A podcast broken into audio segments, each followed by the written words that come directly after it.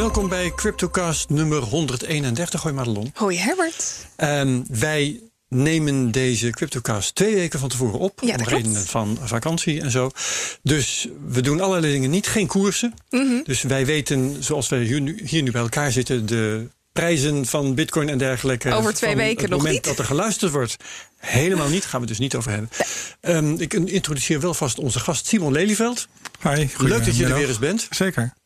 En we gaan het hebben over uh, bitcoin, over monetaire reset... over de AMLD5-wetgeving nog een keertje, over van alles en nog wat.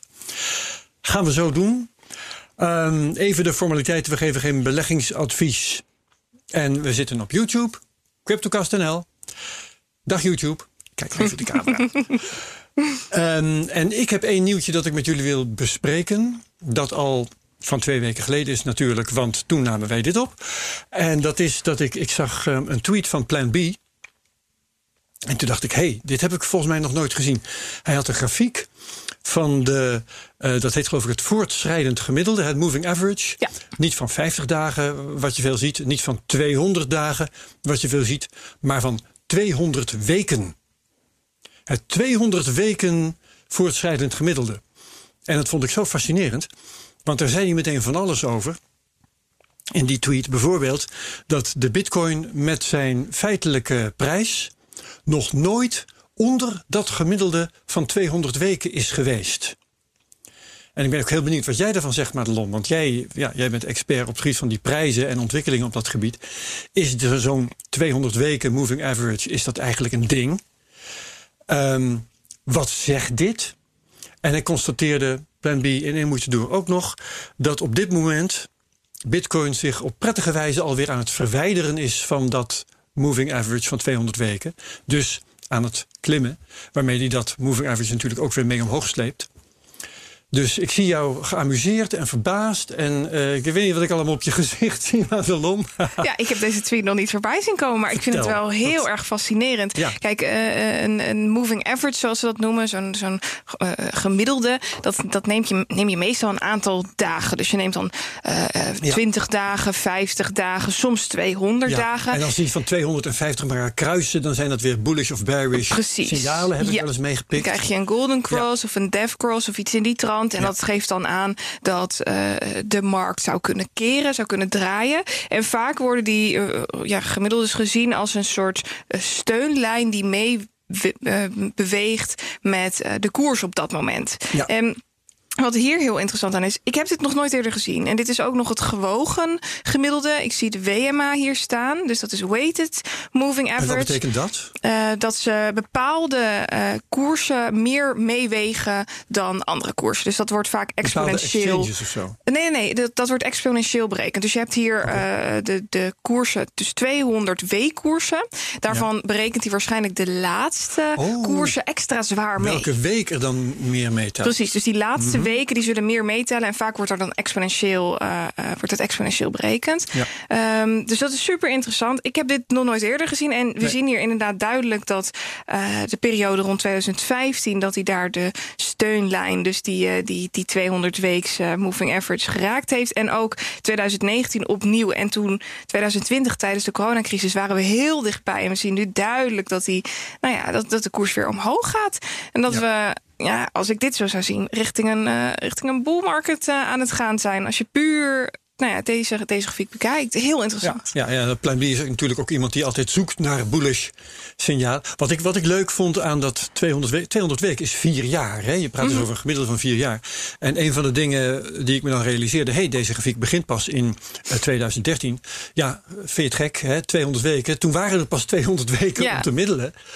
Um, maar je hebt natuurlijk ook dat in het begin... dat dat gemiddelde bestond tel, telt al die tijd dat bitcoin ver onder de 1 dollar uh, stond, telt ook mee. Zeker. He, dus dat is natuurlijk een van de effecten waardoor dat gemiddelde altijd lager is geweest dan de feitelijke prijs mm -hmm. van bitcoin. Er zijn allerlei grappige dingen die je realiseert als je over dat hele idee van middelen over 200 weken gaat nadenken. Maar wat wel bijzonder is, is dat Plan B dus ook een beetje richting technische analyse gaat. En niet alleen meer richting zijn uh, model. Precies. Ja. Um, ja, vind ik interessant. Ik ga hier wat, uh, wat dieper induiken. En wellicht volgende ja. week meer. Oké, okay, leuk. Goed zo. Nou, uh, Simon Lelyveld. Nogmaals welkom. Dankjewel. Uh, we gaan uh, lekker een uur lang met jou, min vijf minuten, dan misschien uh, met jou over van alles en nog wat praten.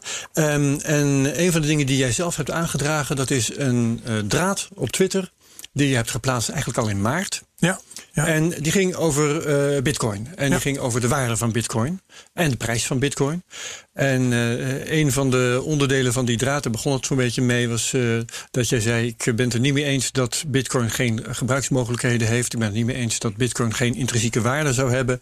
Want we hebben een ontwerp, we hebben een robuust netwerk dat werkt.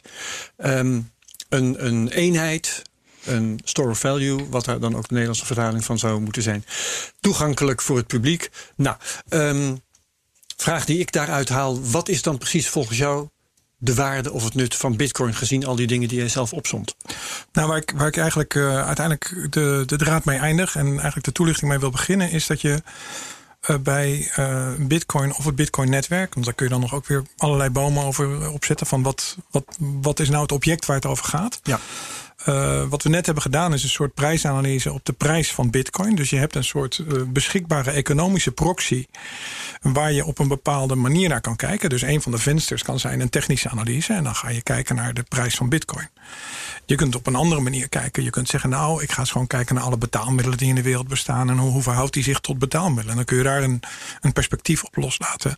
Je kunt een uh, monetair perspectief loslaten en zeggen van, nou, we hebben al heel vaker een gouden standaard gehad. Dat is nog nooit, of gouden of zilveren standaard. Dit is een klassiek systeem met een gouden zilveren standaard. Dus, dus als mm, functionerend geldsysteem voor een wereldwijde economie gaat het per definitie niet werken. Dus je kunt, kunt financieel historisch kun je ernaar kijken. Je kunt er als ICT-developer naar kijken en zeggen, nou, ik heb een hartstikke mooie stack. Daar kan ik hartstikke leuke dingen mee doen. En als ik gewoon, nou ja, voor, voor niet al te veel investering, kan ik gewoon leuke toeltjes draaien en dingen bewijzen en laten zien. En ik hoef niet mezelf in te kopen uh, in de Amazon Cloud of wat dan ook. Ja. Dus ik kan mooie dingen doen. Dus je hebt eigenlijk het perspectief wat ik aan het einde neerzet, is het perspectief van een diamant met heel veel facetten. En, als je, ja. en Ja. als je naar die diamant kijkt, en als je bijvoorbeeld kijkt, een ander perspectief wat je neer zou kunnen zetten, is um, het, de, de aantrekkelijkheid van een infrastructuur die vanuit een anonieme groep is neergezet en vervolgens wereldwijd publiekelijk beschikbaar is, was zo groot dat tien jaar na dato Facebook het belangrijk vond om dat model te kopiëren omdat Facebook iets wilde bereiken in haar uh, hegemoniedoelstellingen van de wereld. Wat zich het beste liet realiseren door zich te vergelijken met Bitcoin. Hoewel ze natuurlijk echt geen, geen, op allerlei mogelijke manieren daar niet aan voldoen. Maar dan heb je dus eigenlijk het grootste compliment gekregen Ja. als ontwikkelaar Ja. wat er maar bestaat. Je hebt namelijk een copycat approach van ja, kijk, en Facebook kan dan niet Bitcoin kopen, want ze kopen gewoon alles wat los en vast zit wat ze over willen nemen. Zeker maar dat kan even niet. ja. Dus ga je het zelf bouwen onder verwijzing naar allerlei van diezelfde zaken. Dus je kunt en en op die manier kun je zien, dan zou je kunnen zeggen, nou, dan is eigenlijk Bitcoin, als je vanuit innovatietheorie beschouwt, een innovatie die een impuls geeft aan de innovatie in allerlei sectoren. Dus je kunt allerlei vensters gebruiken om naar Bitcoin te, te kijken. Je kunt ook het vens- venster van witwassen en criminaliteit gebruiken. Nou, dat is natuurlijk, als je naar de geschiedenis van Bitcoin kijkt, dan, dan zie je dat, dat uh, een aantal verhaallijnen of facetten van de diamant achtereenvolgens heel sterk benadrukt zijn. Dus het begint aan die betaalkant, heel zwaar. Is het wel of niet een betaalmiddel? Uh, er, zit, er zit nog het, het libertaire element, your own money, your own keys. Hè, uh, in, het, in de verlengde van de financiële crisis. Dat is weer zo'n ander venstertje. Van, Dat, dat uh, op een rijtje zetten van narratieven, dat heeft Plan B ook een keer gedaan. Weet je nog, Madelon? Uh, ook in zo'n grafiekje waarbij de ene dan uh, dikker werd en weer dunner werd in, Ja. in de loop der tijd. Precies, en En als, je dat, en als je dat probeert ehm, te modelleren, dan denk ik dat je nat gaat. Want, want ze zijn er per definitie allemaal tegelijkertijd. Mhm. En als dat zo is, Nou, het verhaal van Plan B Ja, was jij wel dat bedoelde de meer dat rol het- van het een... eh, in, eh, Dat het overliep in elkaar. Ja. Dus niet dat het het een is of het andere. ehm, maar dat het dat, de rol dat van betaalmiddel intussen een beetje was weggezakt. Precies. En dat de rol van store value was eh, toegenomen daarna. En ja, daar, die, die, dat, dat kun je zien. Hè? Dus, Ja. dus dat, dat gewicht, dat, dat herken ik ook. Dat- zeg maar. precies, daar zat, daar, daar, daar, ehm, eh, alleen wat, je, wat je krijgt, eh, of wat je ziet gebeuren, is dat je hebt dus een sociale, eh, sociaal-technische innovatie. En allerlei stakeholders in de samenleving gaan daar dan hun stempel op drukken. Ja, En een van die stakeholders is natuurlijk overheden. Die zeggen criminaliteit witwas. En dan wordt dat venstertje witwas opeens ontzettend groot. Maar als je dat nou eens kleiner maakt en wegduwt. En gewoon kijkt naar wat zie je nou in de kern ontstaan. En, en je gaat bijvoorbeeld naar de gebruiksmogelijkheden uh, in uh, landen waar de overheid slecht monetair beleid heeft en geen rechtsstaat. Dan is de bitcoin je beste verzekeringspremie die er maar bestaat. Want je kunt naar familie elders in de wereld dingen over. Je kunt onder je eigen slechte overheid uit. Dus het is ook een verzekeringspremie. Het is een democratiserend iets. Je kunt er ook weer een ander narratief nemen en zeggen: het is helemaal niet democratiserend. Uh, het is hetzelfde als het internet. Aan het begin van het internet dachten we: fantastisch, hier wordt de samenleving democratischer van. Ja, en twintig jaar later nou, lees ik het boek uh, van Marlene. Dan, dan, dan is het gewoon big capital surveillance geworden. Precies. En dat kun je ook bij Bitcoin zeggen: van het was een prachtig idee in het begin, maar het is al lang en breed gehijacked door de institutionals, door de miners. Er is al helemaal geen sprake meer van. Hè? Dus, dus je kunt allerlei van die, uh, van die analogieën maken. Maar als je dan een stap terug doet. Um, en je hebt het gegeven dat er niet een uh, zeg maar overkoepelende governance structuur is, dan heb je dus in de kern van de zaak een publiek goed.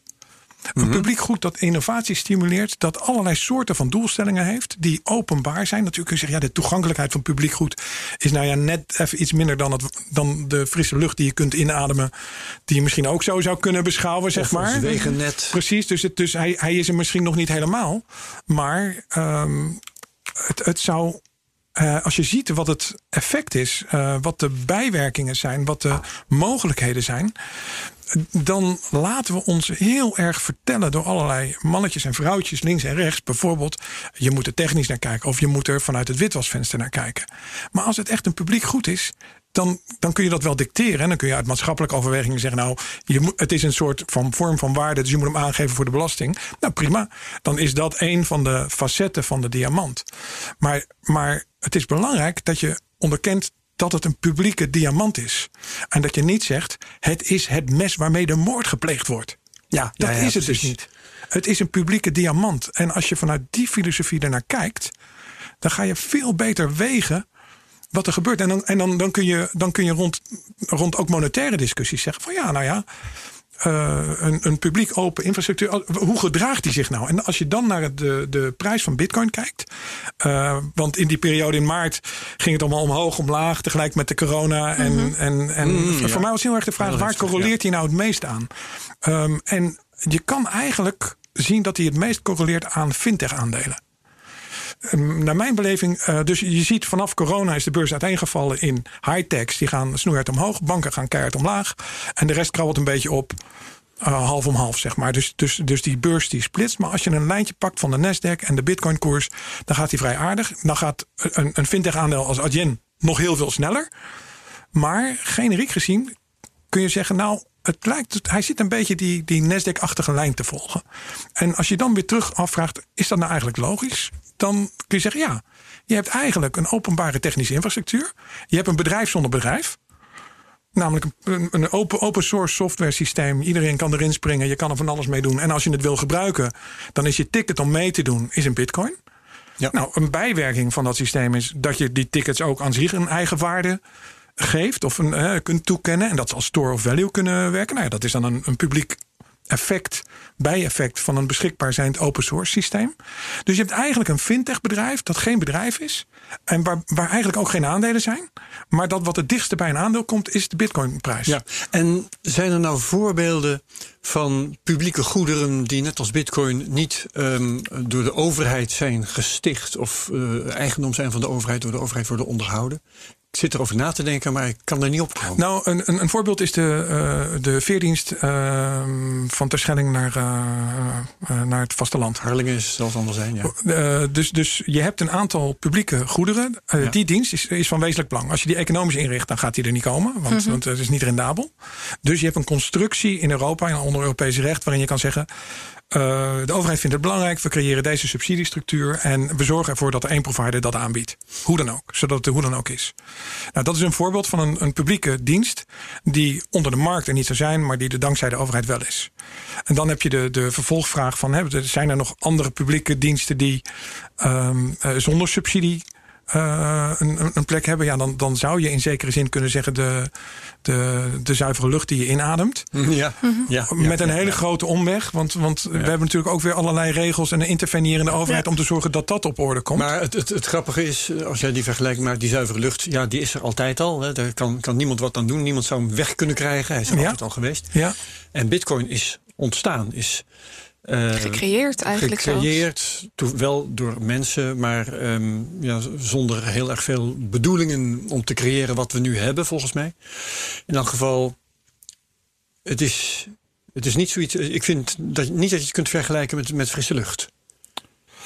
Ja, dat is de vraag. Dat is de vraag. Want als je die publieke goederentheorie uh, verder terug in de geschiedenis neemt, dan krijg je bijvoorbeeld, uh, zit je op het platteland in Drenthe of waar dan ook. En daar heb je je eigen huis in je bezit. En je hebt ook altijd de gemene gronden. Mhm. Ja. Dus het, het uncharted territory waar, waar iedereen toch ook gebruik van kan maken. En je hebt eigenlijk een soort gemene grond die is ontstaan die uh, onder, onder controle stond van een aantal mensen, maar die hebben zichzelf zoek gespeeld. Dus het is eigenlijk een soort uh, land, gemene grond, een gedeelde grond, wat in principe iemand zou kunnen claimen. De ontwikkelaar zou dat kunnen claimen, kunnen zeggen: Dit is mijn IP. Maar ja, dat is natuurlijk strijdig met het hele principe. De, de, de doelbewuste instelling was om gemene gronden te creëren, een open infrastructuur, een publiek goed, waardoor je niet afhankelijk zou worden van je financiële stelsel. Dus ik weet niet of, of de vereiste is voor een publiek goed dat het er altijd moet zijn als natuurverschijnsel. Of dat het er ook kan ontstaan doordat er een groep mensen besluit in het kader van dit is nuttig voor het nut van het algemeen. Laten we dit eens neerzetten. Want er is eigenlijk een publieke infrastructuur gekomen. Die dan deels opgebaseerd is uit handelingen van private actoren. Maar ja, dat, dat kan. Dat, dat, dat, ja, uh, Kun je dus niet, dat, dat, is een beetje de. Kun je niet vergelijken met het, met het internet?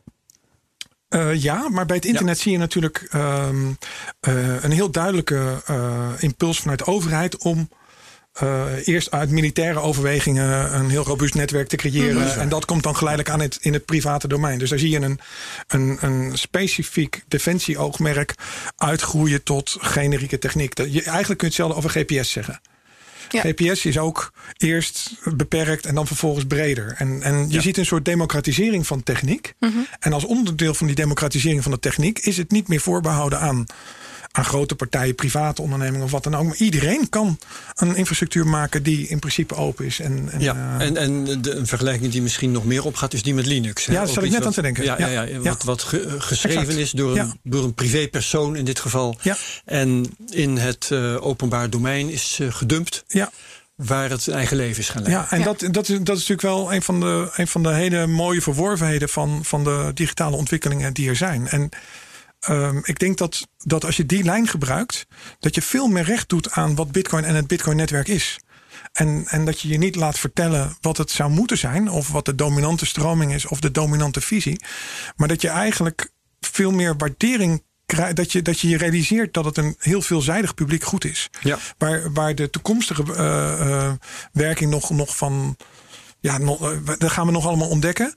Uh, en natuurlijk heeft het, uh, in zekere zin kun je er op allerlei vensters naar kijken. Dat, dat moet je ook gewoon doen. Want iets, per definitie, als er iets ontstaat in de samenleving, valt het al onder het juridische raamwerk van de samenleving. Dus je moet je er een beetje op instellen. Hoe ga ik er tegenaan kijken?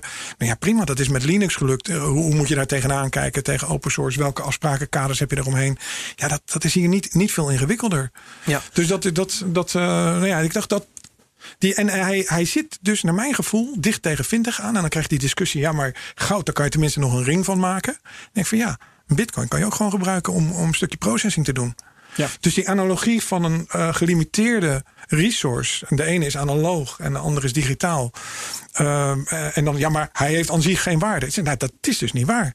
Als jij wil, kan je software gaan draaien, afrekenen. Uh, jij stelt wel in die tweet dat Bitcoin geen intrinsieke waarde heeft. Uh, nou, dat, dat die discussie loopt. Ik weet niet zeker of ik oh, zeg dat, uh, oh. dat uh, de vraag is of het intrinsieke waarde heeft. En die vraag die komt dan telkens op. En als ik kijk naar de intrinsieke waarde, dan zeg je hij heeft ontzettend veel intrinsieke waarde. Simpelweg, in, in oh, ja, een van de venstertjes zeg je: het is gewoon mijn processingtijd op de blockchain. Ja. Maar de intrinsieke waarde is dat het een Facebook triggert tot een innovatie die ze anders niet gedaan zou hebben. Ja, en trouwens ook. Dat heeft een, een Maar- bepaalde waarde. Ja, of je kan, je kan zeggen of dat nou zo'n grote waarde Ja, is. zorgt dat dan zo'n voor waarde idee. bij Bitcoin? Maar, Nee, wat je maar, volgens mij ook noemt, dat is dat ehm, eh, Bitcoin, het, het bestaan van Bitcoin, banken heeft gestimuleerd om te komen tot internationale betaalsystemen die sneller werken en minder fees eh, vragen. Of heb ik je verkeerd begrepen? Eh, Ja, dat, dat is een van de andere dingen die, je die je daaraan kan laten zien. Het zet de urgentie van dat thema nog eens een keer sterker aan. Je kunt het ook nog omdraaien en zeggen: eh, Nou, vergeet even die Facebook en die betaalsystemen, want dat zit dan allemaal weer in die financiële hoek. Ja. Maar kijk breder naar: het is in feite een digitale stempelmachine, waarin je allerlei dingen onomstotelijk kunt Dan vastleggen. heb je het over blockchain-technologie. de blockchain-technologie. Ja. En dan zeg je, nou, het is eigenlijk de start geweest voor een, een hele bak innovaties in de blockchain-wereld, waar we ook het einde nog niet van gezien hebben. Er is vervolgens eh, Ethereum gekomen, nou kun je ook van alles van vinden. Maar het is, het is dus wel de kickstart voor, voor Ja. een hele bak dingen. En Dan als zeg je, zonder Bitcoin zou Ethereum er nooit geweest zijn. Dat is waarschijnlijk waar. ja, ik denk dat Vitalik het niet verzonnen zou hebben uit Nee. zichzelf. Nee, nee, nee. Dus, eh, dus, dus dat. Maar kun eh, je daarmee stellen dat, het, dat Bitcoin zelf van intrinsieke waarde is? Of Absoluut. kun je daarmee. Ja. Want, want, eh, want je zou de hele, de hele DeFi-beweging, Ethereum smart contracts, al dat soort zaken, die zouden allicht op een andere manier komen. Want ik heb hier in Amsterdam in 1992, of nee, 92, nee, pff, nee, 94 de eerste smart contracts op een PC'tje zien, gemaakt zien worden. Dat, dat in de cryptohoek heb je al die concepten al lang en breed in allerlei vormen en verschijnselen Ja. aanwezig. Maar het convergeren tot een bepaalde verschijningsvorm die vervolgens de rest van de wereld aanzet tot doorgaan op dat innovatieve pad. En het gewoon weggeven van al die IP en zeggen jongens, maak er wat moois van. Dat, dat, het wordt miskend eh, hoe relevant dat is vanuit een, een maatschappelijk perspectief en als publiek goed. En er wordt te veel vanuit een enkel narratief naar gekeken Ja. en, en, en weggezet. En, en het goede van Han de Jong vond ik in die uitzending is ook dat hij op sommige onderdelen ook zei: ja, daarvoor weet ik even, even net iets te weinig van Bitcoin. Dus die bleef kijken naar dat monetaire deel van de discussie.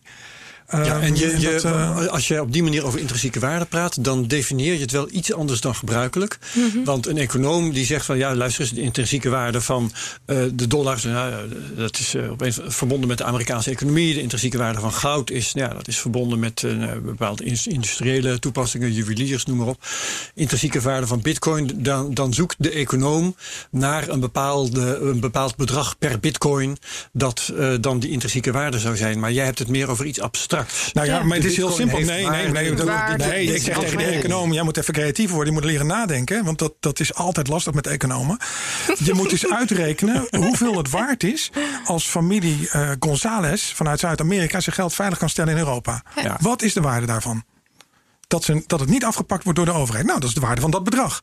Oké.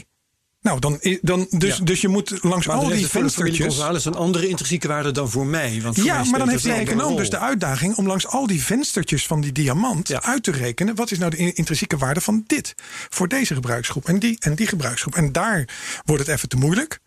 Ja, en dan krijg je allemaal flauwekulredeneringen. Maar als je het zuiver doet, dan zeg je dan gaan we de intrinsieke waarde van het bestaan van Ethereum voor innovatie in de wereld gaan we proberen eh, een, daar een prijs aan te hangen. Dan, dan, dan kun je de econoom challengen en zeggen nou succes, ga de use cases van Bitcoin maar op een rij zetten.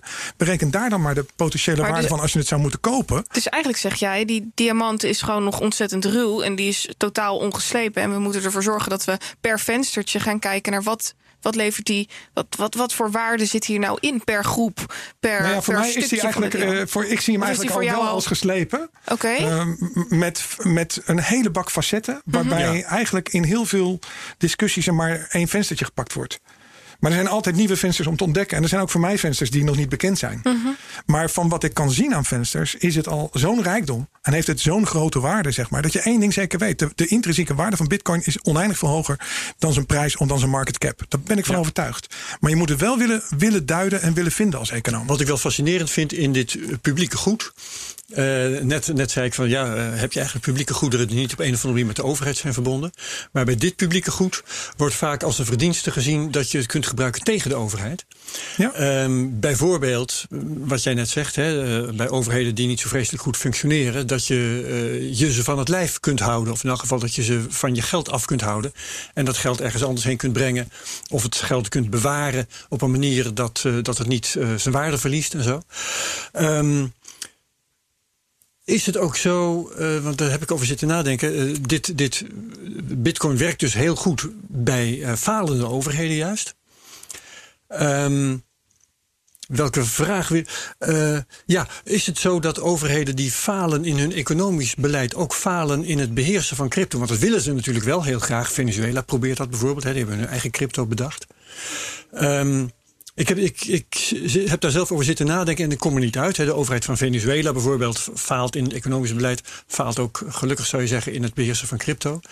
Um, als je gaat zeggen, luister eens even, de Europese financiële overheid uh, faalt eigenlijk ook al behoorlijk in hun, uh, in hun uh, eigen beleid. Maar faalt nog niet zo heel erg in het beheersen van crypto. Want dat gaat op dit moment, zie de aanmelding 5 wetgeving waar we straks over gaan praten. Dat, dat lukt nog vrij goed. Dus hoe, hoe zie jij dat? Die rol van overheid in, in het al dan niet falen op economisch terrein en het al dan niet falen in het beheersen van crypto. Oké, nou als je, als je het niet over bitcoin hebt, maar over een willekeurig iets dat kan fungeren als betaalinstrument in een samenleving, dan zijn er twee sleutelfactoren. Eén is een rechtsstaat, mm waarin bezit bezit is en iemand je bezit niet kan afpakken. En het tweede is een stabiele waarde in je economie. En, en, en, en, die je bezit niet kan afpakken, ook de overheid niet. Hè? Ook de overheid niet. Dus een, goede rechters, waardoor de overheid niet uh, dingen van je af kan pakken en mm jouw bezit jouw bezit is. Als dat niet het geval is, dan krijg je eigenlijk wat er in Rusland altijd gebeurt. Niemand heeft roebels. Iedereen heeft dollars en woningen in Londen. Want je kunt je eigen overheid niet vertrouwen. Nou, dat mechaniek, dat is een klassiek mechaniek. En als je dat bij Bitcoin toepast, dan zie je dat Bitcoin verboden is in alle landen waar de, de rechtsstaat of het monetaire beleid niet accuraat is. Want het is een dermate goede verzekeringspremie tegen uh, een dysfunctionerende overheid.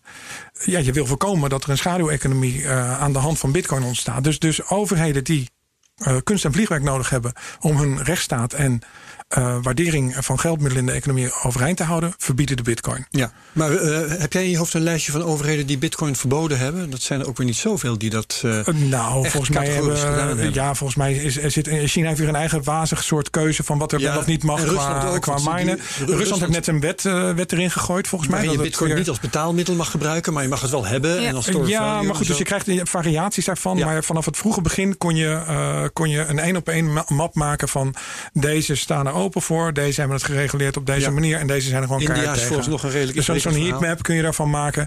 En dat, dat, nee, ja, maar voor mij viel al, eigenlijk altijd op dat de vlaggetjes... je zou hem langs een lijst van Amnesty International moeten zetten. en dan kun je de vlaggetjes volgens mij redelijk... Uh, dus Amnesty International en de Wereldbank. De Wereldbank voor het economische verhaal... en Amnesty International voor de mensenrechten rechtsstaat.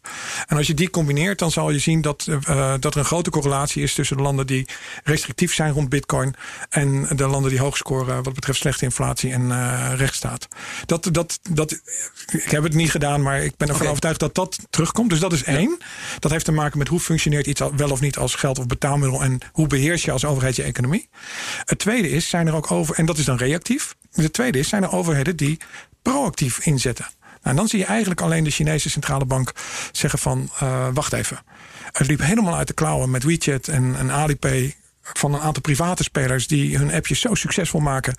Dat, dat de halve bevolking zit nu met privaat geld allemaal dingen te doen. En er is niet eens een, een, een, reserve backup van al die elektronisch gelden die in die, in die appjes zitten, zeg maar. Mm -hmm. Dus die zijn als een dolle begonnen om, om een eis te stellen. Al dat geld in die appjes moet ook ergens op een bankrekening staan.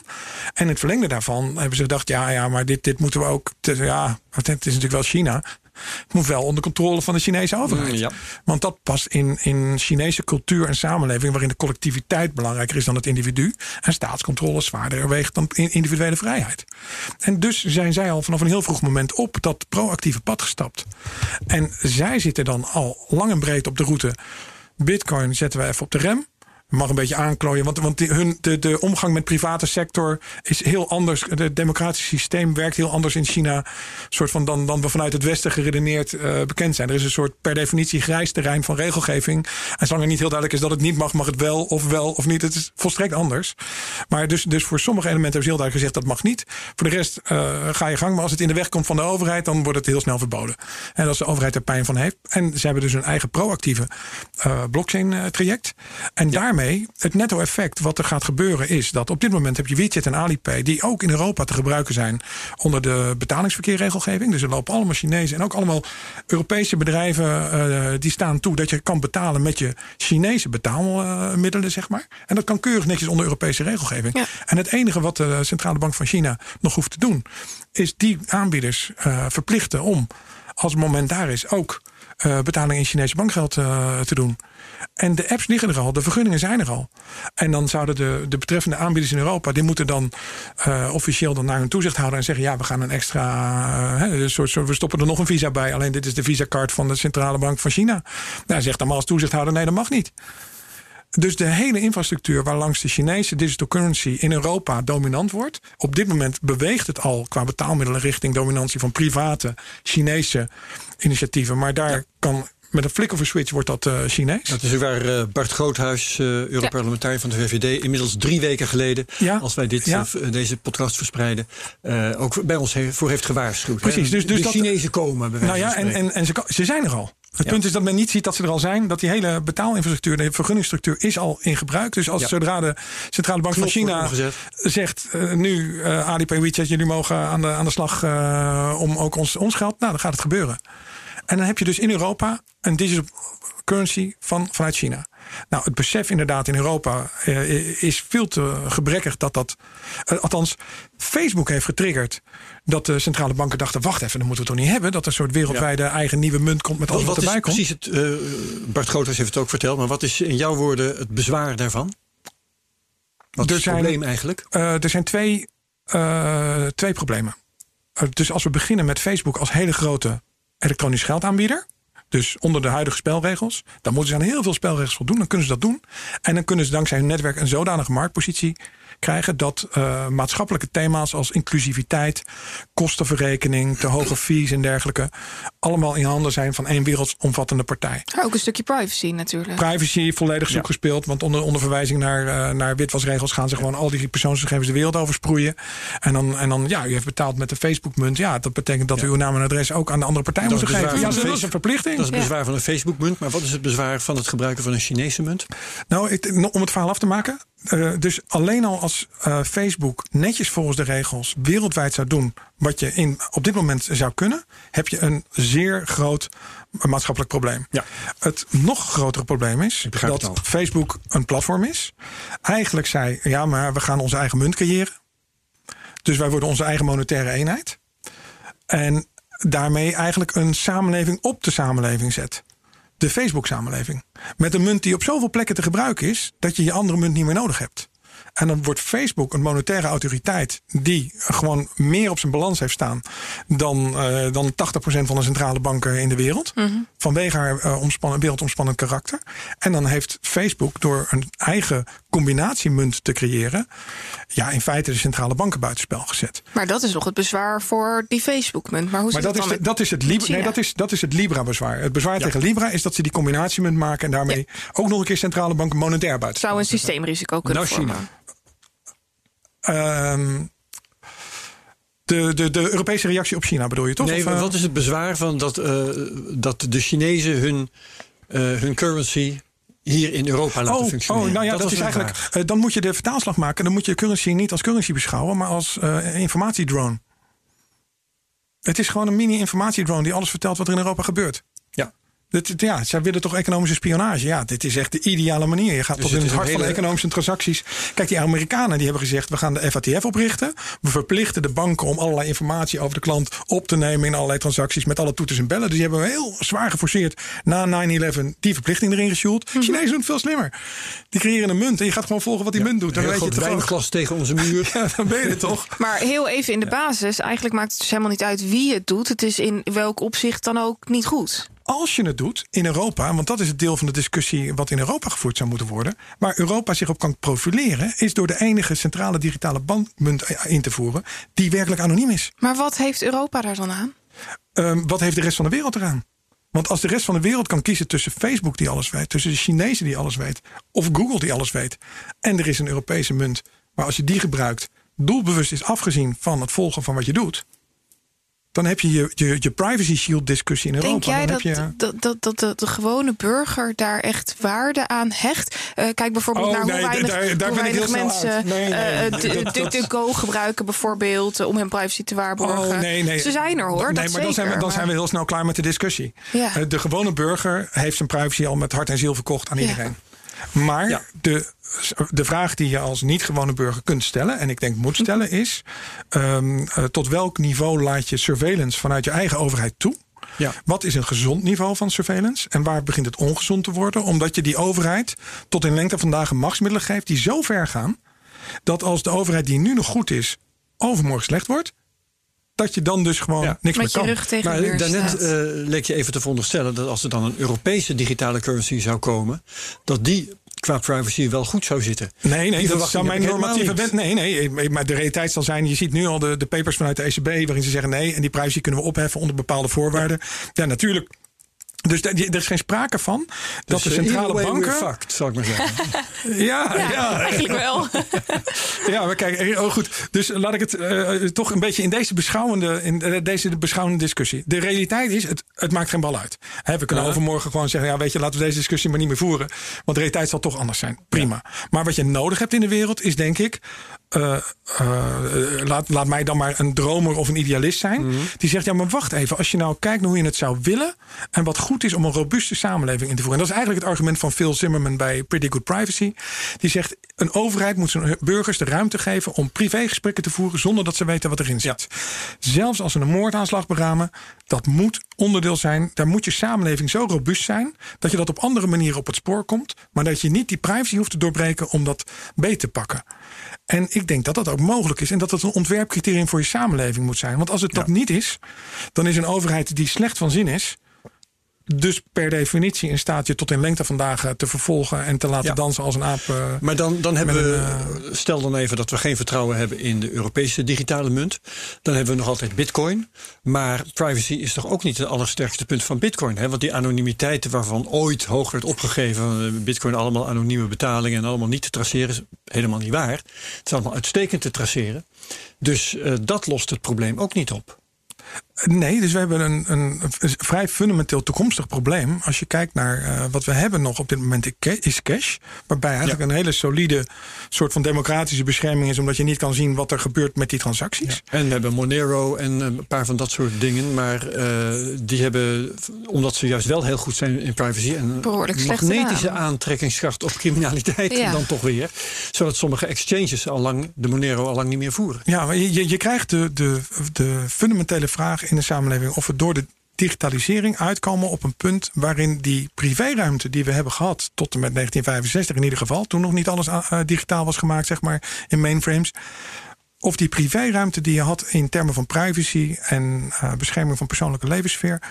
Of die er nog is. Nou, dan, dan, Ja. dan, zit je, eh, dan zit je in de discussie over het internet is stuk. Het, hè? In principe zou, zou de technologie heel veel mogelijk maken. Maar onze drang naar controle, onze waanzin, de, de sectarische cult rond witwassen en criminaliteitsbestrijding is zodanig groot geworden dat we, eh, dat we het overheden goed vinden om de, de gegevens van burgers open te breken. Omdat er zogenaamd een boeven achter de, achter de boom staat. dat en ondertussen geven de burgers zelf, omdat ze voor twee cent eh, een, een- speeltje kunnen krijgen bij een eh, digitale shop, hun eigen privacy weg. Ja, Ja. dus aan twee kanten geef je, Ja. geef je dat allemaal weg. Ja, en dan kan ik heel cynisch zijn en zeggen: ja, pot voor u, nou dat is jammer. En dan gaan we nu wat anders doen. Maar dan denk ik: nou ja, laten we optimistisch blijven en, en nadenken over hoe. Als, gewoon als richting hoe, hoe een, een samenleving eruit kan zien. En dan zeg je niet langer: Bitcoin is, is, het, eh, is het mes met bloed eraan. Maar dan zeg je: het is een publiek goed Ja. met bepaalde kwaliteiten. En daar, daar moet je dus in plaats van dat je tot in het bizarre gaat overreguleren, moet je daar juist ruimte creëren. Want altijd geldt van wie vandaag de terrorist is, is morgen de vrijheidsstrijder en andersom. Het enige wat er hoeft te veranderen is dat de overheid verandert. Als morgen de overheid een slechte overheid is, dan zijn alle rechtschapen mensen van nu opeens terroristen geworden. En als je die denkredenering iedere keer maakt, dan kun je goed nadenken over wat moeten verhoudingen zijn, hoe intrusief moet regelgeving zijn. Ja, en dat, dat is soort beschouwend. Als je naar, naar, naar Bitcoin kijkt, er zijn heel veel facetten waarmee je naar het eh, eh, mechaniek, het raamwerk en de prijs en waarde kan kijken. De waarde is dus immens. De prijs is een soort reflectie, het is een soort fintech-aandeel. En het zou heel veel helpen als we, als we meer die publieke goed redenering eh, gebruiken bij wat het kan omdat dat ja, een, een stuk van de overmatige lading die er door die, die sectarische cult van anti-witwassers opgeduwd wordt, omdat dat wat weghaalt. Ja. Dat, dat is gewoon dat is belangrijk, want anders dan, eh, ja, dan, dan, dan, dan zetten we onszelf vast in één perspectief. En dat is gewoon niet, voor, voor niemand is dat nuttig. Ja. Oké, zullen we ehm, hiermee de discussie over jouw eh, draad Ja, van maart eh, beëindigen? Ehm, dan eh, hebben we nog het onderwerp Depositobank. depositobank. Ja.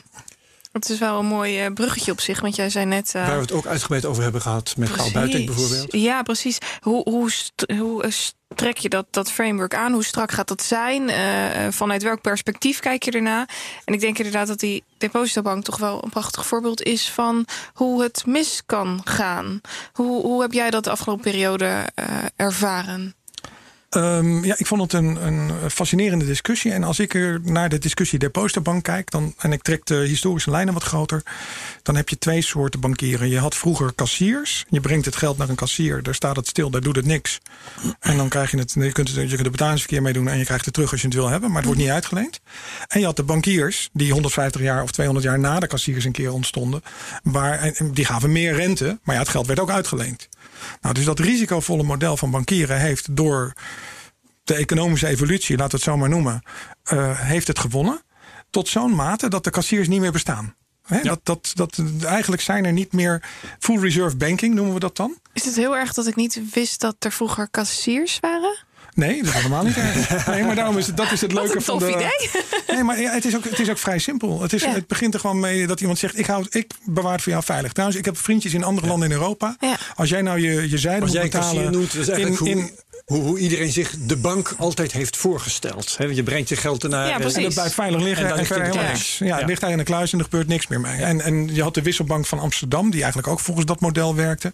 Dus gewoon één op één, dat heet dan full reserve banking. Eén op één blijft het geld daar liggen. That's it. Tot hoe lang is dat, is dat geweest, weet je dat? Nou, die zijn geleidelijk aan uh, allemaal opgegaan. Begin van de vorige eeuw je nog drie grote kassiershuizen.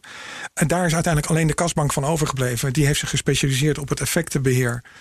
Um, en ja, die is nu ook, uh, volgens mij is de, kasbank nu ook weer onderdeel van een conglomeraat geworden. Dus, dus de, de, eigenlijk zijn ze daar verdwenen. Maar ze zijn teruggekomen met het internet. Want als je kijkt naar de rol van Adyen, wat doet, uh, uh, wat doet een payment service provider? Die ontvangt het geld en die sluist het door naar. Hè, die, die doet de techniek van de afhandeling van een digitale winkeltje. Mm -hmm. Ontvangt het geld en sluist het één op één door naar degene die naar de bankrekening van de winkelier. De winkelier die wil gewoon die techniek uit handen hebben. En daartussenin zit dan even een kassier. En die kassier die heeft eventjes het geld van de klant vast. En paast het dan door. Maar dat is maar heel kort. En bewaart het niet. Hij bewaart het, zeker weten. Yes, ja, hij bewaart het dat wel. Dat staat op een stichting derde uh, geldrekeningen. Er zijn allerlei afspraken over. Dus dat geld, dat staat daar stil. Maar dat is hooguit een dag of drie. Zolang als nodig is om het weer door te kunnen sluiten. Ja, precies. Daar, daar heb je allerlei modellen in. Maar in de kern is dat het model van de kassier. Ja, okay, dat heb ik me nooit zo gerealiseerd. Ook bijvoorbeeld PayPal of iets dergelijks. Exact. Als allemaal, ik betalingen krijg vanuit PayPal, dan kan ik ervoor kiezen om dat naar mijn bankrekening over te maken of het te laten staan. Bij Molly werkt dat anders, bij Adyen werkt dat ook anders. Dus, dus die, die betaaldienstproviders hebben heel even dat geld onder zich. Nou, dat is heel even, ja, dat telt niet. Dan nou, prima. Dan gaan we naar. Uh, nou ja, PayPal kun je dus voor kiezen om PayPal het te laten kun je staan. voor kiezen. Dat is, dat is, uh, de productvorm is dan elektronisch geld. Dus je hebt twee dingen. Je hebt een internetkassa waarbij het eventjes staat. Maar je hebt ook elektronisch geld. PayPal is een productvorm elektronisch geld. En dat betekent eigenlijk, je hebt geld op een rekening staan per definitie is daar niet depositogarantie op van toepassing. Mm -hmm. uh, en dan staat er eventjes en je kan het gebruiken, je kan het laten staan en je kan het gebruiken voor betalingsverkeer. En, ja, zie is maar wat je volledig uh, gebackt? Is dat full reserve? 100%, want dat is onder Europese regelgeving verplicht. Wow. Het is volledig geld. enige tegenpartijrisico wat er bestaat is dat als dat geld toevallig bij een bank staat die omvalt, dan is het weg. En in okay. de beginfase van elektronisch geld mocht je dat geld ook bij een centrale bank neerzetten. Dus toen was het 100% full reserve. Mm -hmm.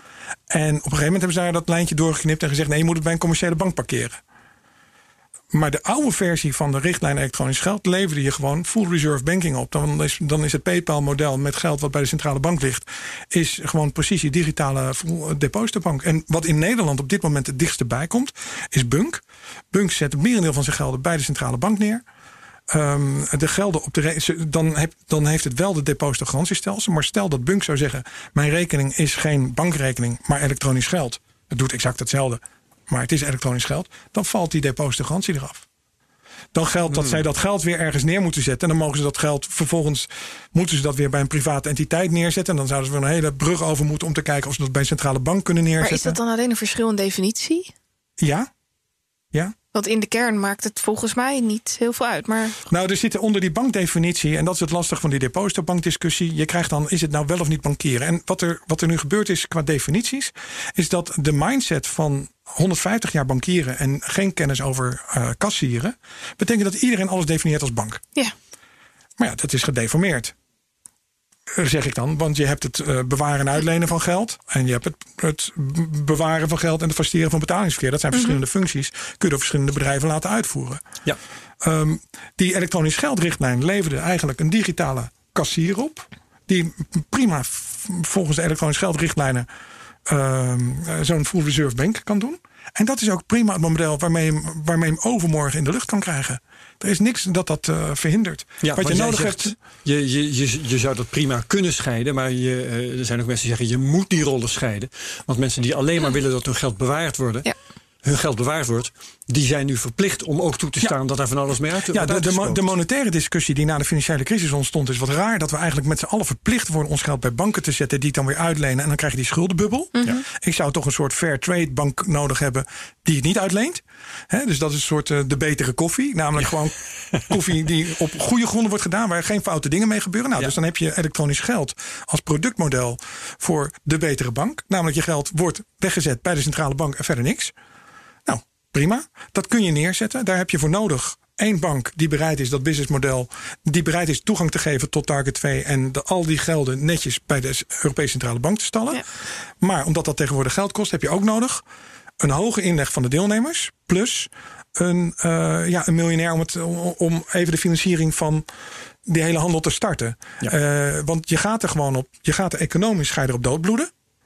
Ik bedoel, je, je, je, krijgt het niet rendabel op grond van de, de, de, de, mensen zijn. De bank, het oprichten van die bank bedoel je? Ja, dus, dus de, en dat bleek bij die depositobankdiscussies. Zij zijn verzeld geraakt in allerlei discussies over bankvergunningen light en al dat soort variaties. Mhm. Mm -hmm. Maar ja. als zij simpel. Het breekpunt was toch uh, mee, al of niet meedoen aan het depositogarantiestelsel. Dat was toch de grote en de kosten. kosten. nee, er was, er, was, er, was, er was nog meer. Want als je dan een bank bent, is de vraag: mag je dan al je geld bij de ECB neerzetten? Ja. Nou, ik, ik ben heel simpel. Aantrekken van gelden is: je krijgt er van klanten, uitzetten van gelden doe je bij de ECB. Maar dan zegt opeens de, de Europese bankautoriteit: nee, uitzetten van gelden bij de centrale bank telt niet. Ja, hoezo niet? Nee, dat telt gewoon niet. Dan ben je geen bank meer. Ja, hoezo? Ik zet het toch uit. Er zit toch ook risico als ik erbij zit? Nee, dat telt gewoon niet. En nou moet je kop houden. Dat is eigenlijk, dat is eigenlijk de discussie. Ja, als je daarin vastzit. En als je elke, elke toezichtjurist vraagt van... maar waar staat het dan in de richtlijn dat dat zo gedefinieerd moet worden? Ik bedoel, uh, uitzetten van geld in overheidsobligaties... wordt toch ook als een uitzetting gezien? Dan zeg je toch ook niet... alle overheidsobligaties mogen niet meer die een bank doet? Want waarin, waarin is het wezenlijk verschillend... als je je gelden van klanten op die manier... Enfin, de, de, dus daar, die zijn in een heel rare. Wat er gebeurd is in de depositobankdiscussie, is eigenlijk dat de, de, de mensen in Nederland hebben gezegd: we zouden zo'n digitale kassier moeten hebben. Ja. Want dan kun je kiezen of je geld met schuld hebt of geld zonder schuld. Nou, vervolgens kreeg je klassieke bureaucratische tactieken van we vertragen de discussie, we doen een onderzoek. Dus de WR heeft drie jaar onderzoek gedaan. De depositobank mensen hebben geprobeerd met, met DNB Financiën eruit te komen. Nou, die hebben allerlei juridische barrières opgeworpen en vervolgens is gezegd we doen een onderzoek. Dan komt er een onderzoek. Vervolgens is het onderzoek op een aantal punten uh, niet diepgaand genoeg. Mm -hmm. Want de simpele conclusie van joh, je kan het eigenlijk nu al doen en Bunk is al voor 95% een elektronisch geldinstelling die bijna. Bunk zit er al bijna, mm -hmm. zeg maar. Uh, of je kunt als je een als je de simpel, simpelweg, als ik één partij vind die bereid is om het model VVV-bon uh, te financieren. Maar in plaats van VVV-bon zeggen we ECB-bon. Dat mag natuurlijk niet, hè? dus dan noemen we dan echt geldbon. Dus we maken de echt geldbon. Ik heb gewoon maar één financier nodig. Die zeggen, oh ja, nee, joh, ik, ik tik wel even wat, wat weg. Dan gaan we naar een bestaande elektronisch geldinstelling in Europa. En we zoeken één bank in Europa, één van de hele, heel, heel veel banken, die bereid is om het geld van onze klanten linea recta bij de ECB neer te zetten. Nou, zegt die bank, moet je wel uh, hoofdprijs betalen. Ja, zegt, doen we, want ik vind het gewoon geinig om dit te doen. Als je dat vindt, dan heb je overmorgen Europees Centrale Ja. Bankgeld. Waarom? Zonder depositogarantiestelsel. Ja. 100% gedekt door de tegenwaarde bij de, bij de ECB. de, de Nederlandse bank eh, werkt dit tegen. eh, minister Hoekstra werkt dit tegen. nee, nee, dit model wat ik voor, voorleg, dat kun je overmorgen doen. Ja, want waarom Daar wordt het niet niemand gedaan? tegen. Nou ja, dat, Omdat het niks oplevert. dat, is, nou, dat is, nou ja, precies. Economisch krijg je dit nooit. Krijg je dit Het nooit is geen goed lopend En het is businessmodel. Die, kijk, kijk het, eh, eh, fair trade koffie is hartstikke leuk, maar is veel te duur. Ja. Dus niemand koopt het. Behalve de idealisten. En die idealisten kopen het. Maar daar, daar kun je betalen. nood. hè. Ja, dus die moeten twee keer zoveel betalen. En als je in dit, hetzelfde als met privacy, super belangrijk, maar niet als het mij aangaat. Dus, dus dan kom je weer terug in die ideaalsfeer. Je kunt het neerzetten. Ik ben ervan overtuigd dat er een, een niche van zeer vermogende klanten is. Die miljoenen hebben, die de hele tijd zitten te van ja, god moet ik dan. Of, of een miljoen hebben, zeg maar van ja, dan moet ik tien banken hebben. En een negatieve rente, die stimuleert dit natuurlijk wel. Ehm, dat weet ik niet, want de negatieve rente die wordt je doorberekend. Je krijgt echt, zoals vroeger bij de kassier, moest je betalen voor het veilig bewaren. Nou, dat krijg je nu toch al aan je, aan je broek. Mhm. Elke bank die heeft nu zijn voorwaarden gewijzigd. Echt geen kartel hoor, dat ze dat allemaal tegelijk doen. En er is ook echt geen afspraak met Hoekstra dat die eerste 100.000 uh, niet negatief wordt doorberekend. Nee, dat bestaat allemaal niet. En dus dat, er is natuurlijk een afspraak gemaakt. De banken mhm. hebben beloofd aan Hoekstra, we zullen de eerste 100.000 niet negatief berekenen in rente en in ruil. Daarvoor hebben ze weer wat toezeggingen gekregen dat ze samen fraude zijn wel omhoog gegaan. Ja, dat, dat klopt. Maar je krijgt, je krijgt allerlei rare bijwerkingen. Je krijgt nu dat geld eigenlijk negatieve rente heeft. Als dat toch het geval is, ja, dan leg het dan bij een elektronische geldinstelling. Alleen daar is de negatieve rente natuurlijk nog weer, nog weer zwaarder. Omdat ja, als je het terug wil. Je moet bereid zijn om te betalen voor het veilig bewaren van je geld. En als je dat bereid bent, dan is dat businessmodel zo neer te zetten. Er is een Noorse bank die dat doet voor uh, corporate spelers. En wat zijn dan de kosten? Wat, wat, is dan, wat zijn de kosten van een realistisch verdienmodel voor zo'n bank? Bij de depositobank zaten ze, geloof ik, wat was het, op 50, 60 euro per jaar, zeg maar. Maar je moet dan ook nog de negatieve rente op je, op je tegoed erbij rekenen. Ik denk dat er meer realistische kosten tussen. Die wordt dan toch ook nog uh, in rekening gebracht? Ja, die moet je, ja die kan, je, je kan niet in open einde rekenen. Je kan niet zeggen: hier heb je een pakketje voor 200 euro per jaar. En wij nemen wel het risico dat die rente nog negatiever wordt op deze mm Dus je zegt: ik denk dat je op een model tussen de 100 à 250 euro uh, jaarlijkse kosten voor die rekening komt. Gecombineerd met de doorberekening van de negatieve rente van deze wow. Maar dat valt toch oh, op zich best mee. Kijk, als je, ja, een, als je een, een aantal miljoenen... betaalt nu al 150 euro. Precies. Dus als die negatieve rente wordt doorberekend. Ik dacht eigenlijk dat je daaraan kon ontkomen. Maar als dat gebeurt, dan kun je het toch beter gewoon in je kussensloop bewaren. Zolang dat kan. Zolang, en dan, zolang dan, cash bestaat. Maar het leuke is dat dat wel een realistische risicoafweging is. Want jij dan kan er dan voor kiezen om die 1 miljoen zelf in je kussen of in de tuin te bewaren. Ja. Of te zeggen, nou, ik ben er wel wat van kwijt, maar het staat wel bij de centrale bank. Nou, ja. doe je. Dan weet, eh, als miljonair zou ik het dan wel weten. Dus in die vermogende groep heb je volgens mij echt een niche waar dat zou kunnen. Alleen dan heb je weer een bank nodig die bereid is om, om in dat model in te stappen. Ja. Nou, dat, of een dat overheid dus natuurlijk. Ja. ja, of uh, omgekeerd een overheid die zegt uh, dit is een maatschappelijk goed. Wij vinden maar dit dat, zo dat was dus mijn vraag die ik net wilde stellen. Um, de overheid, de, de, Nederlandse Bank en minister Hoekstra uh, werkt dat dus tegen. Ja. Die willen dat niet. Wat is nou precies het belang waarom ze dat niet willen? Um, er zit een, uh, ja, eigenlijk een simpel gegeven dat de, je, er is natuurlijk altijd ruzie tussen centrale banken. Dus je kunt een enorm op ruzie maken over de vraag: mag de Nederlandse bank dit wel doen onder het verdrag van Maastricht? überhaupt kun je de vraag stellen: is het verdrag van Maastricht wel voldoende? Rijkt dat wel tot. Kijk, de Europese Centrale Bank zegt: wij mogen cash uitgeven, dus ook digitale cash. Oh ja, joh. Waar staat het dan? Dat is stap 1. Ze eigenen zich dat terrein toe. Dat is een kwestie van interpretatie maar het vergt, dus. Het vergt eerst een democratische keuze om dat te doen. Ze eigenen het zich toe. Uh, en daar kun je dingen van vinden. Dan kun je zeggen, nou ja, dus maar als ze zich dat toe-eigenen, is vervolgens de vraag binnen de huidige uh, construct, is, is dan de logica dat het uh, de ECB zou zijn, zou je kunnen zeggen. Maar je kunt ook zeggen, nee hoor, binnen de huidige situatie kan het ook, kunnen het ook ministeries van Financiën zijn. Dus je hebt in feite een democratische keuze om te zeggen, nou wij vinden digitale cash een verantwoordelijkheid van de overheid.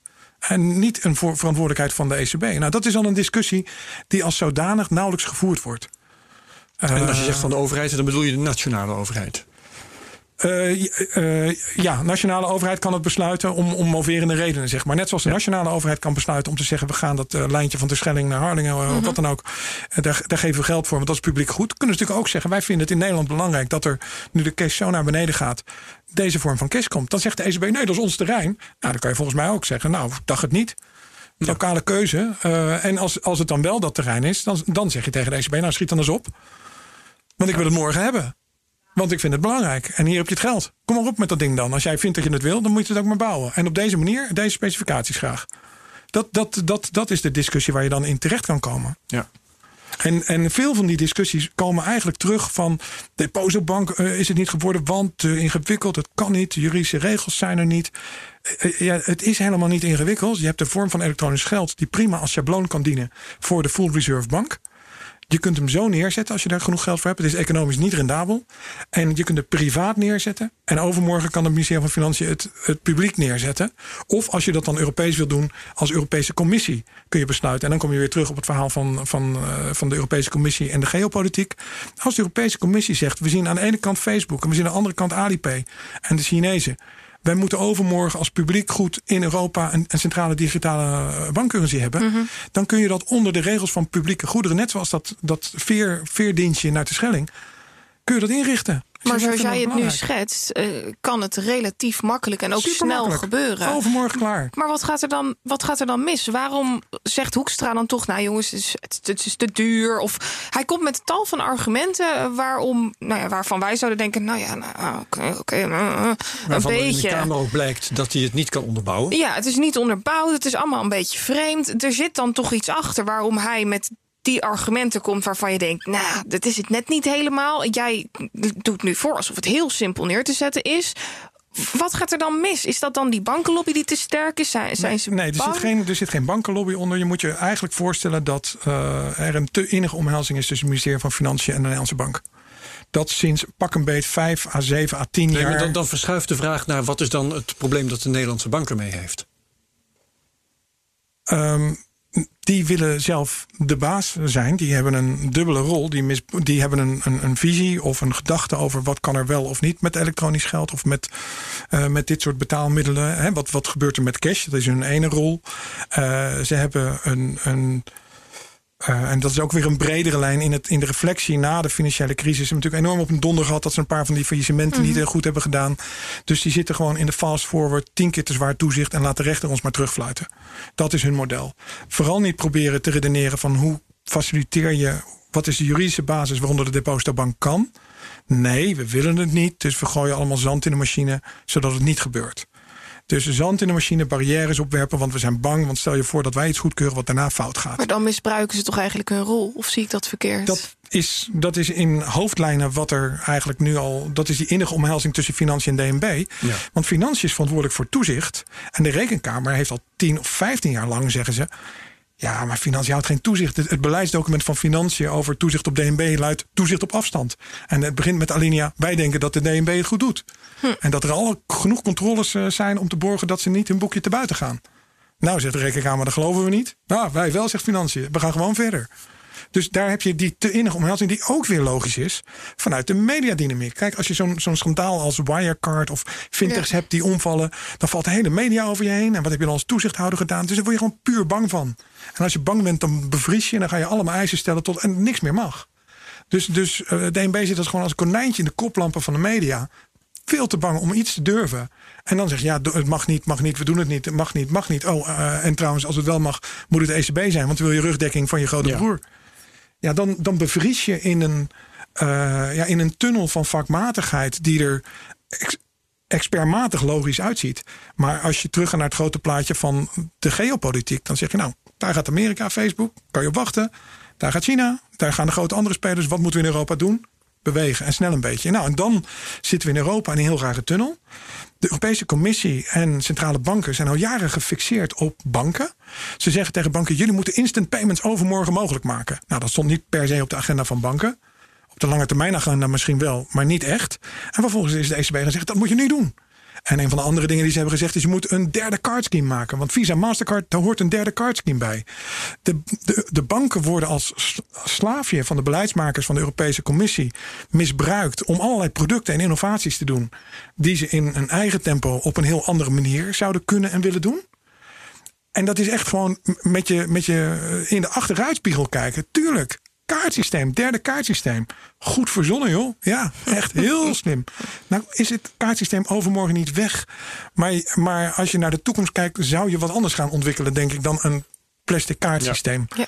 Dus, eh, en zo, zo zie je dat, dat we elkaar zoek spelen met. eh, je hebt zo'n soort, soort eh, de, de wet van behoud van beleid. Als je ooit een keer iets verzonnen hebt, dan hou je eraan vast. Ja. Ook als het nergens meer op slaat. Nou, dit idee van het derde cardscheme is al 15 jaar oud, ooit een keer verzonnen, maar het zit nog steeds in de koker. Dus we houden het vast. En, en dat zie je gebeuren. En daarom springt men niet uit, een, eh, Ja. uit het huidige raam. Eh, miskent men de geopolitieke bewegingen. Eh, worden er allemaal ja, non-argumenten komen er tevoorschijn. Waar de onderliggende overweging gewoon is angst, onbekendheid en een onvermogen om als een helikopter boven de materie te hangen en te zeggen.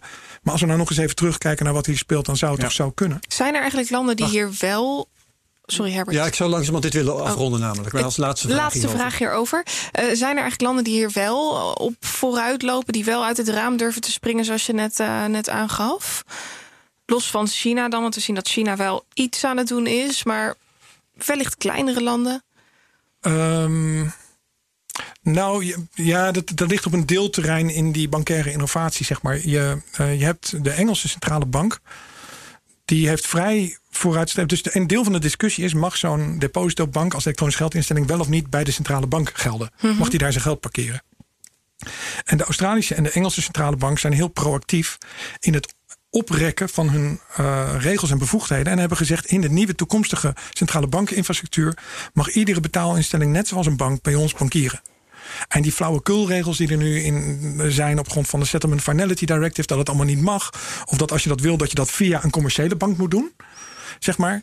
Dat slaat als een tang op een varken. Dat is niet modern. Dus je ziet een aantal centrale banken die daar heel duidelijk eh, eh, de norm stellen. Maar wij hebben dan in Europa niet het vermogen om, ja, om, om dat soort oude, oude ja, dat soort dingen mee te nemen. En de Engelsen hebben ook veel strakker gezegd: we gaan een ge- gemeenschappelijke standaard formuleren rondom open bankieren. In plaats van dat je zegt: Nou, markt, los het maar op. We moeten een beetje met elkaar praten, los het maar op. Oh, zegt de markt, prima. Dan heb je daar drie standaarden. Krijg je een hele hoop jaren van frictie waarin die techniek opgelost wordt. Dus je ziet een paar Anglo-Saxische landen op dat gebied van real-time betalingsverkeer en toegang voor competitors tot het centrale banksysteem duidelijk eh, het voortouw nemen. En dat is het model waar je aan kan spiegelen. En kan zeggen, als ik nou overmorgen dat toesta Precies. aan een elektronisch geldinstelling, dan kan er de dag na overmorgen eh, kan er een eh, Europese centrale bank geld liggen. Van de een of andere miljonair die, die zegt, hij vindt het gewoon geinig. of trouwens, ik heb zelf zoveel geld. Ik vind het ook super handig. Je, je, kan, je kan je privé elektronisch geldinstelling creëren om je eigen vermogen weg te zetten. Nou, we roepen de luisteraars op. Ja, Mocht er nog iemand zijn die eh, wat geld ergens over heeft... en eh, hier eh, hel in ziet... regel dit. Ja, Eh, het derde waar we het nog over moesten hebben, eh, dat was ehm, het naspel van de AMLD5-wetgeving. Vertel. Ja, dus als we de AMLD 5 Je bent hier discussie in, eh, geweest. ja, in Nederland, eh, Nederland samenvatten, dan is er een Europese richtlijn met eigenlijk vrij basale regels. Eh, we hebben in Nederland een lange democratische discussie achter de rug van. Oké, er staat, je moet het registreren, maar wordt het nou stiekem niet toch een vergunningsregime met vergunningseisen en voorafgaande toetsing? Jouw standpunt is dat dat het geval is? Nou, mijn zorgpunt was heel lange tijd dat dat het geval zou zijn. Dat is ook het zorgpunt van de industrie geweest. En gezegd dat wordt veel te duur. En kijk maar, ze moeten onder toezicht van DNB. Ze krijgen een toezichtrekening die ontzettend hoog is. Ehm, maar minister Hoekstra zei heel gelukzalig in de Tweede Kamer: Nou, jongens, echt waar niet. Die kosten die worden echt niet zo hoog. En het echt, echt, jongens, luister nou naar mij. De lat ligt ergens anders. Ja. En dat heb jij geloofd, want jij zat hier te zeggen... En ik was Ja. De kou is uit de lucht. wij Luister. zeiden nog tegen Ja. elkaar toe van... nou, we moeten het dan nog is maar die zien. niet een En beetje jij was- wereldvreemd? Ja. Nou, dan kom ik weer terug. Ik ben een idealist. En mijn idealisme zegt het volgende. En ik ben natuurlijk ook eh, gecertificeerd compliance professional... die met allerlei regels van doen heeft. Mhm. Dus als een minister in de Tweede Kamer belooft... of in de Eerste Kamer belooft dat iets op een bepaalde manier zit... dan neem ik hem op zijn woord. Want als ik het omgekeerde moet doen... nou ik zeg ja, maar dat bedoelde hij niet zo... dan kan ik dus elke financiële regelgeving omdraaien... en zeggen ja, dat heeft hij wel gezegd, maar zo bedoelde hij het niet. Ja. Dus we kunnen het anders interpreteren. Dus je kunt als je... Wat aan- heb je dan nog voor houvast? je kunt Ja. als, als je aan compliance doet niet anders doen dan de regels en de uitgesproken toelichtingen voor letterlijk nemen. Als dan vervolgens eh, bij het omdraaien eh, en uit de poort lopen van de Eerste Kamer al blijkt dat die kosten nergens over gaan, dan valt de eerste teleurstelling al binnen, Ja. zeg maar. Dan zeg je, Dat nou, dat een, is niet volgens de afspraak. Tussen de 10 en 20 cryptobedrijven meteen al over de kop gaan. Ja, want er is, nog, er, zijn wat, er is een soort vooruitbetaling van toekomstige to- toezichtkosten gekomen die echt helemaal niet kan. Maar de, de, de details daarvan laat ik even voor wat het is. Ehm, als je uitgangspunt moet zijn dat wat we afgesproken hebben in het parlement is niet wat we gaan doen, dan stopt de samenleving. En ik ben een idealist. Ik zeg ja, dat, zo werkt het niet. Als we het zo moeten doen, zo werkt het. En je ziet het met Hugo de Jonge met de corona-app. Hij zegt eerst, voordat hij live gaat, zal ik een positief advies van de AP hebben, de autoriteit persoonsgegevens. Oh nee, toch niet. En vervolgens zet hij hem live zonder dat het positieve advies er is. Ja. Dus we Zelfs zien, met, een, met een negatief advies. ja, dus we zien dat kennelijk gebruikelijk is geworden in deze samenleving. Dat je om iets gedaan te krijgen een valse belofte doet in het parlement. Maar dan nog kan je je niet baseren op iets anders dan de feitelijke belofte. Nou, dus, dus je zit in een klem. Je ziet nu, eh, we zitten nu in de fase dat DNB de vrijbrief heeft, de carte blanche heeft, om haar rol bij de registratieaanvraag in te vullen. Nou, in principe zouden ze binnen twee maanden de registratie gedaan moeten hebben. Die termijn is verlopen, er is niemand geregistreerd. En het model extra eisen uh, en uh, toetsing vooraf is nu de praktijk geworden. En de reden dat ik dat zo hard durf te zeggen is omdat ik verbaasd was dat in de zomer een toelichting van DNB kwam over een systematische integriteitsrisicoanalyse die voor de cryptobedrijven zou gelden. Want een van de cruciale punten is dat is een term uit het financieel toezicht. Die term staat niet in de WWFT.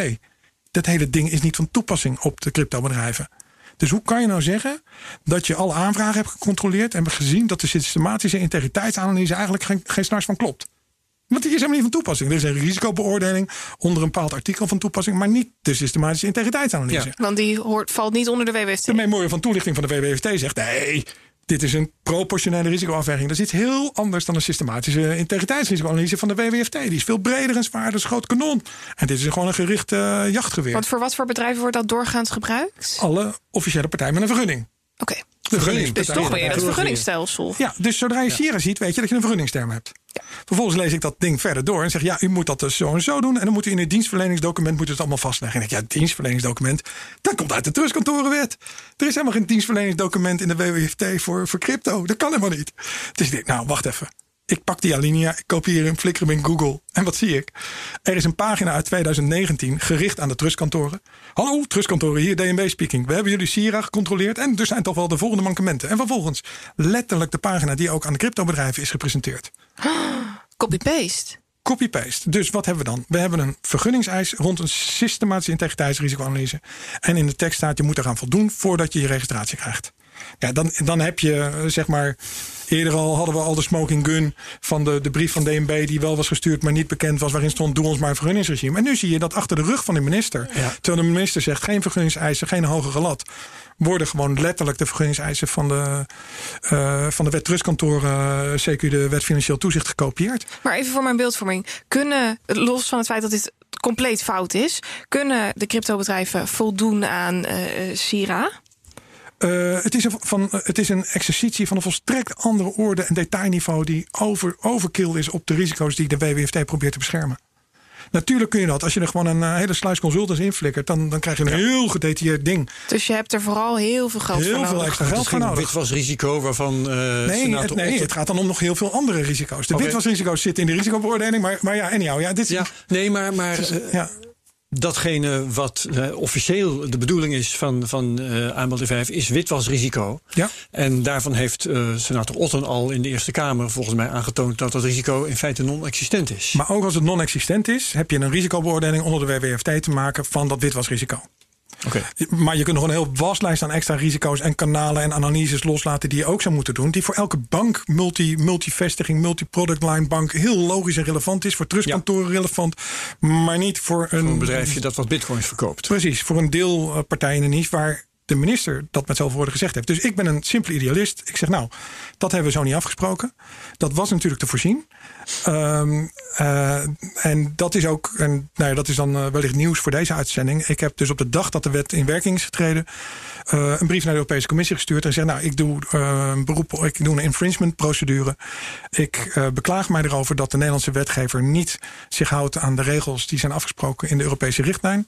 Er zijn twee problemen. Ten eerste, onder verwijzing naar een proefschrift van Carolien Keizer van Groningen, uit Groningen alle eisen uit de AMLD 5 die neerkomen op al die gegevens doorpassen aan de overheid en de FIU zijn volstrekt in strijd met het verdrag van de rechten van de mens. Dat is dus al een tekortkoming van de Europese richtlijn. Dat is die van de Europese richtlijn. Daar is ook al op gewezen door de privacyricht uh, toezichthouder. En dat gaat ooit een keer geëvalueerd worden. Nou, dat weten we hoe dat werkt. Nou, die infringement procedure biedt de mogelijkheid om die vraag op het bord van de Europese Hof van Justitie te leggen. Okay. Nou, die is vrij goed in, in, in afspraak, uitspraken rond Privacy Shield. Dus als dit staande beleid uh, loslaten op de AMLD 5. Daar gaan ze natuurlijk nooit van hun levensdagen overigens zeggen dat het niet kan. Want de, dat zou betekenen dat alle AMLD-maatregelen van alle banken in Europa gewoon onrechtmatig zijn. Dat zijn ze onder het Europese Verdrag van de Rechten van de mm. Mens. Maar ze gaan het uh, nooit toegeven. Maar de realiteit is natuurlijk dat niet gebeurt. Dat neemt niet weg dat ik in mijn institutionele model zegt: je moet dit aankaarten. Je ziet iets wat er gebeurt. Er, er, er valt Dus iets je in de aan gracht. terwijl je eigenlijk al weet dat dat niet ehm, echt Wat is een samenleving waarin je elkaar niet meer aanspreekt op afspraken die je Ja, gemaakt hebt? Ja, ja, ja. En dan gaat het over Europese verdrag van de rechten van de mens. Dan gaat het over privacy in een digitaliserende samenleving. Ja. Waarin surveillance het grote probleem is. En waar we bij de Belastingdienst zien wat het probleem is als je surveillance op de verkeerde manier uitvoert. je hoeft je niet. eh, Maar jij kaart dat aan en wij kunnen dat dan gaan volgen.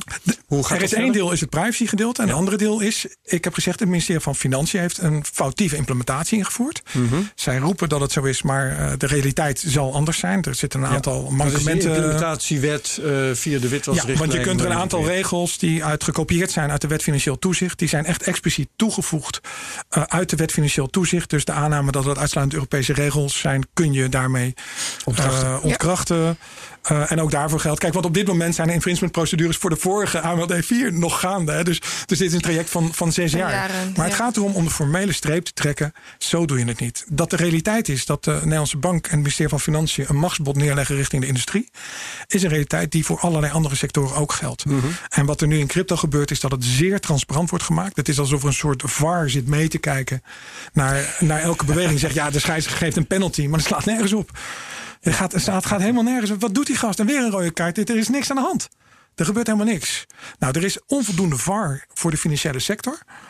Eh, er zijn allerlei sectoren, de betaaldienstinstellingen, die worden op eenzelfde manier gewoon armpje drukken, gekoeioneerd. Eh, ja, dat, dat is aan de orde van de dag. En dat is die innige verstrengeling tussen financiën en DNB.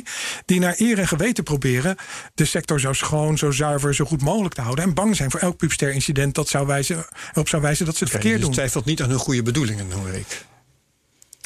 als ik het in een groot kader plaats, dan kan ik heel veel van de dynamiek begrijpen van waaruit je dat ook oprecht doet. Maar als ik in een klein kader plaats, dan zou ik al die toezichthouders het volgende willen voorhouden. Stel dat je je kinderen aanmeldt om naar een school te gaan. En je moet een formuliertje invullen voor een registratie.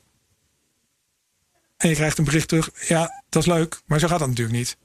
Uw kind moet nog even langskomen, want we hebben een aantal bewijsstukken nodig. En we willen ook eh, zien dat je ook werkelijk dat diploma hebt gehaald. En kun je nog even deze vector algebra som eh, laten zien om te bewijzen dat je echt universitair afgestudeerd bent.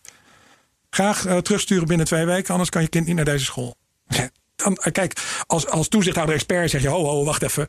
Waar haalt die school die bevoegdheid vandaan? Wacht even, ik zit in het vak van toezicht. Ik weet dat dit niet kan. Dan word je natuurlijk pissig. Dan zeg je: hier, hier wordt een registratie omgebogen naar een toegangseis.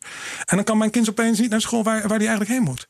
Nou, als jij nou vindt als toezichthouder dat jouw kind, als, die, als je die aanmeldt en registreert, gewoon toegelaten moet worden zonder aanvullende eisen. Waarom zou dat anders zijn als je de context verandert en de thematiek verandert naar een bedrijf? Wat is dan je motivatie? Ja. Omdat er een witwasrisico is?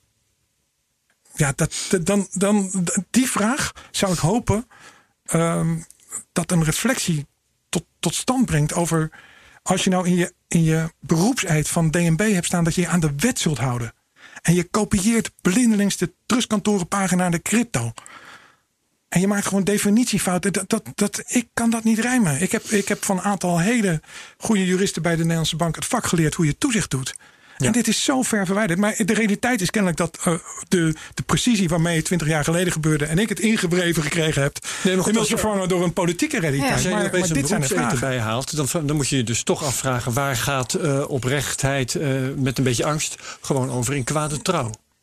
Dat, ik vind het, daar, kan, daar kan ik nooit iets over zeggen. Het enige wat ik kan doen is vanuit mijn perspectief een, een kader bieden om te reflecteren. Ja. En ik heb Klaas Knot een gewetensvraag gestuurd en gezegd: Vind jij dat nou? Vind jij dat dit nou kan?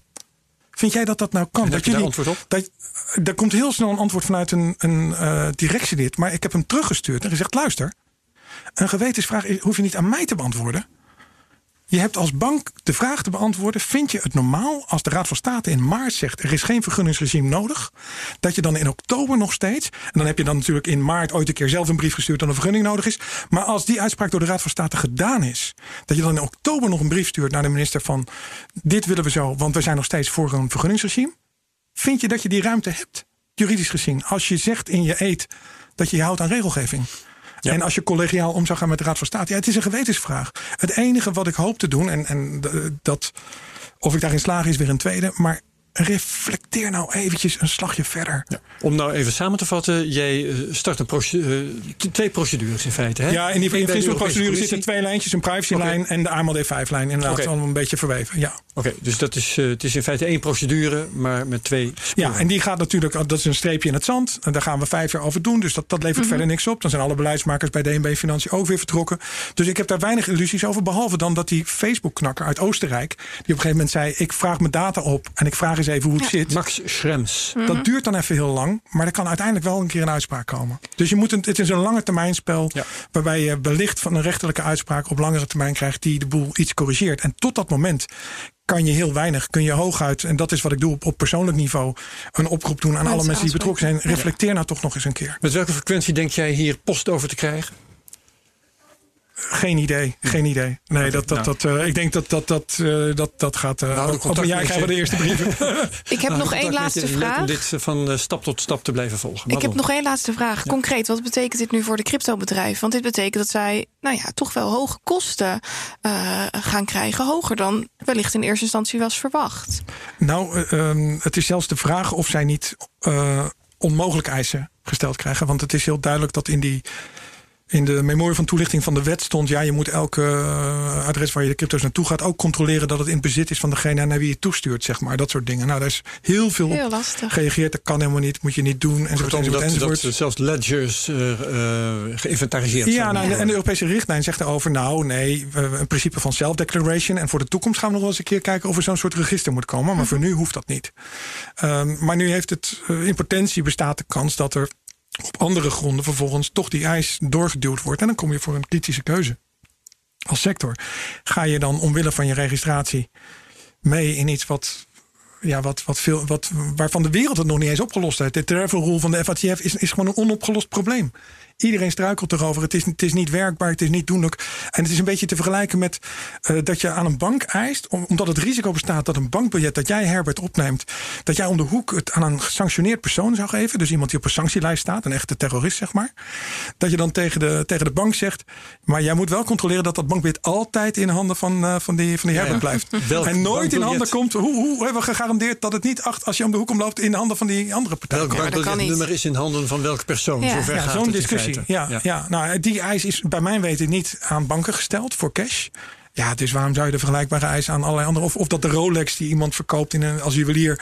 Dat, dat de juwelier checkt dat hij inderdaad na, na twee maanden... nog steeds om de arm hangt van degene die in de winkel stond. Of de Picasso die is gekocht bij de kunsthandelaar... dat hij aan de muur hangt van degene die in de winkel stond. Ja, uh, dat, dat, ja, het, is een, het is een brug te ver. Maar, maar ja, dat, dat betekent is een dus beetje, geen registratie op het moment dat dat niet gecheckt is, kan worden. En dat het wel geëist is. onduidelijk wat er gebeurt. Het enige wat op grote, op, op helikopterniveau te zien is, is dat er een machtsbod wordt neergelegd. Je ziet dat aan die, ja. die eisen van die risicoanalyse. Als je zo ja, als je, als je zo duidelijk iets doet wat eigenlijk niet kan, uh, dan, dan kun je ervan uitgaan dat er allerlei vragen stellen die, die een brug te ver gaan. Precies in lijn met de door DNB geuite visie dat een vergunningsregime nodig is. Wanneer horen wij meer over uh, of de bedrijven, de 48 bedrijven die zich hebben aangemeld, daadwerkelijk registratie krijgen of juist niet? Ja, ik, ik zou het niet weten, zeg maar. Ik kan alleen als een soort, uh, ja, als een soort VAR-observator zeggen: dit is de beweging die ik zie. Dit gebeurt er. Er ontstaat enige frictie en. Ja. Onterechte rode kaart dus. Ja, maar een mooie functie ja. die jij jezelf uh, aan. Nou ja, zo noem ik hem dan maar. Ja, ja of reflectieve vergelijking werkt wel. Ja, ja. ja. Oké. Okay. We gaan het hierbij laten. Dankjewel okay. Simon Lelyveld. Graag gedaan. Tot de volgende keer, zonder Joep. twijfel. Um, volgende week dan hebben wij uh, René van Kesteren. En ik denk dat we die gaan spreken via Zoom. Hij werkt bij BlockFi. Is dat wel volgende week? Ja, dat is volgende week. Op het moment dat wij deze podcast uh, oh, verspreiden, okay. dan is dat volgende week. Heel goed. op het moment dat wij dit opnemen. Heel ingewikkeld, ook voor Top. ons. René van Kesteren werkt bij BlockFi. BlockFi, daar kun je je bitcoins brengen en dan krijg je daar rente op. Ja, leuk. Heel uh, spannend uh, idee. Hij is Nederlander, werkt dus in de Verenigde Staten. dat wordt een buitengewoon interessante podcast. Verder review ons op iTunes, deel ons op Twitter, like, subscribe, comment op YouTube, CryptoCast.nl.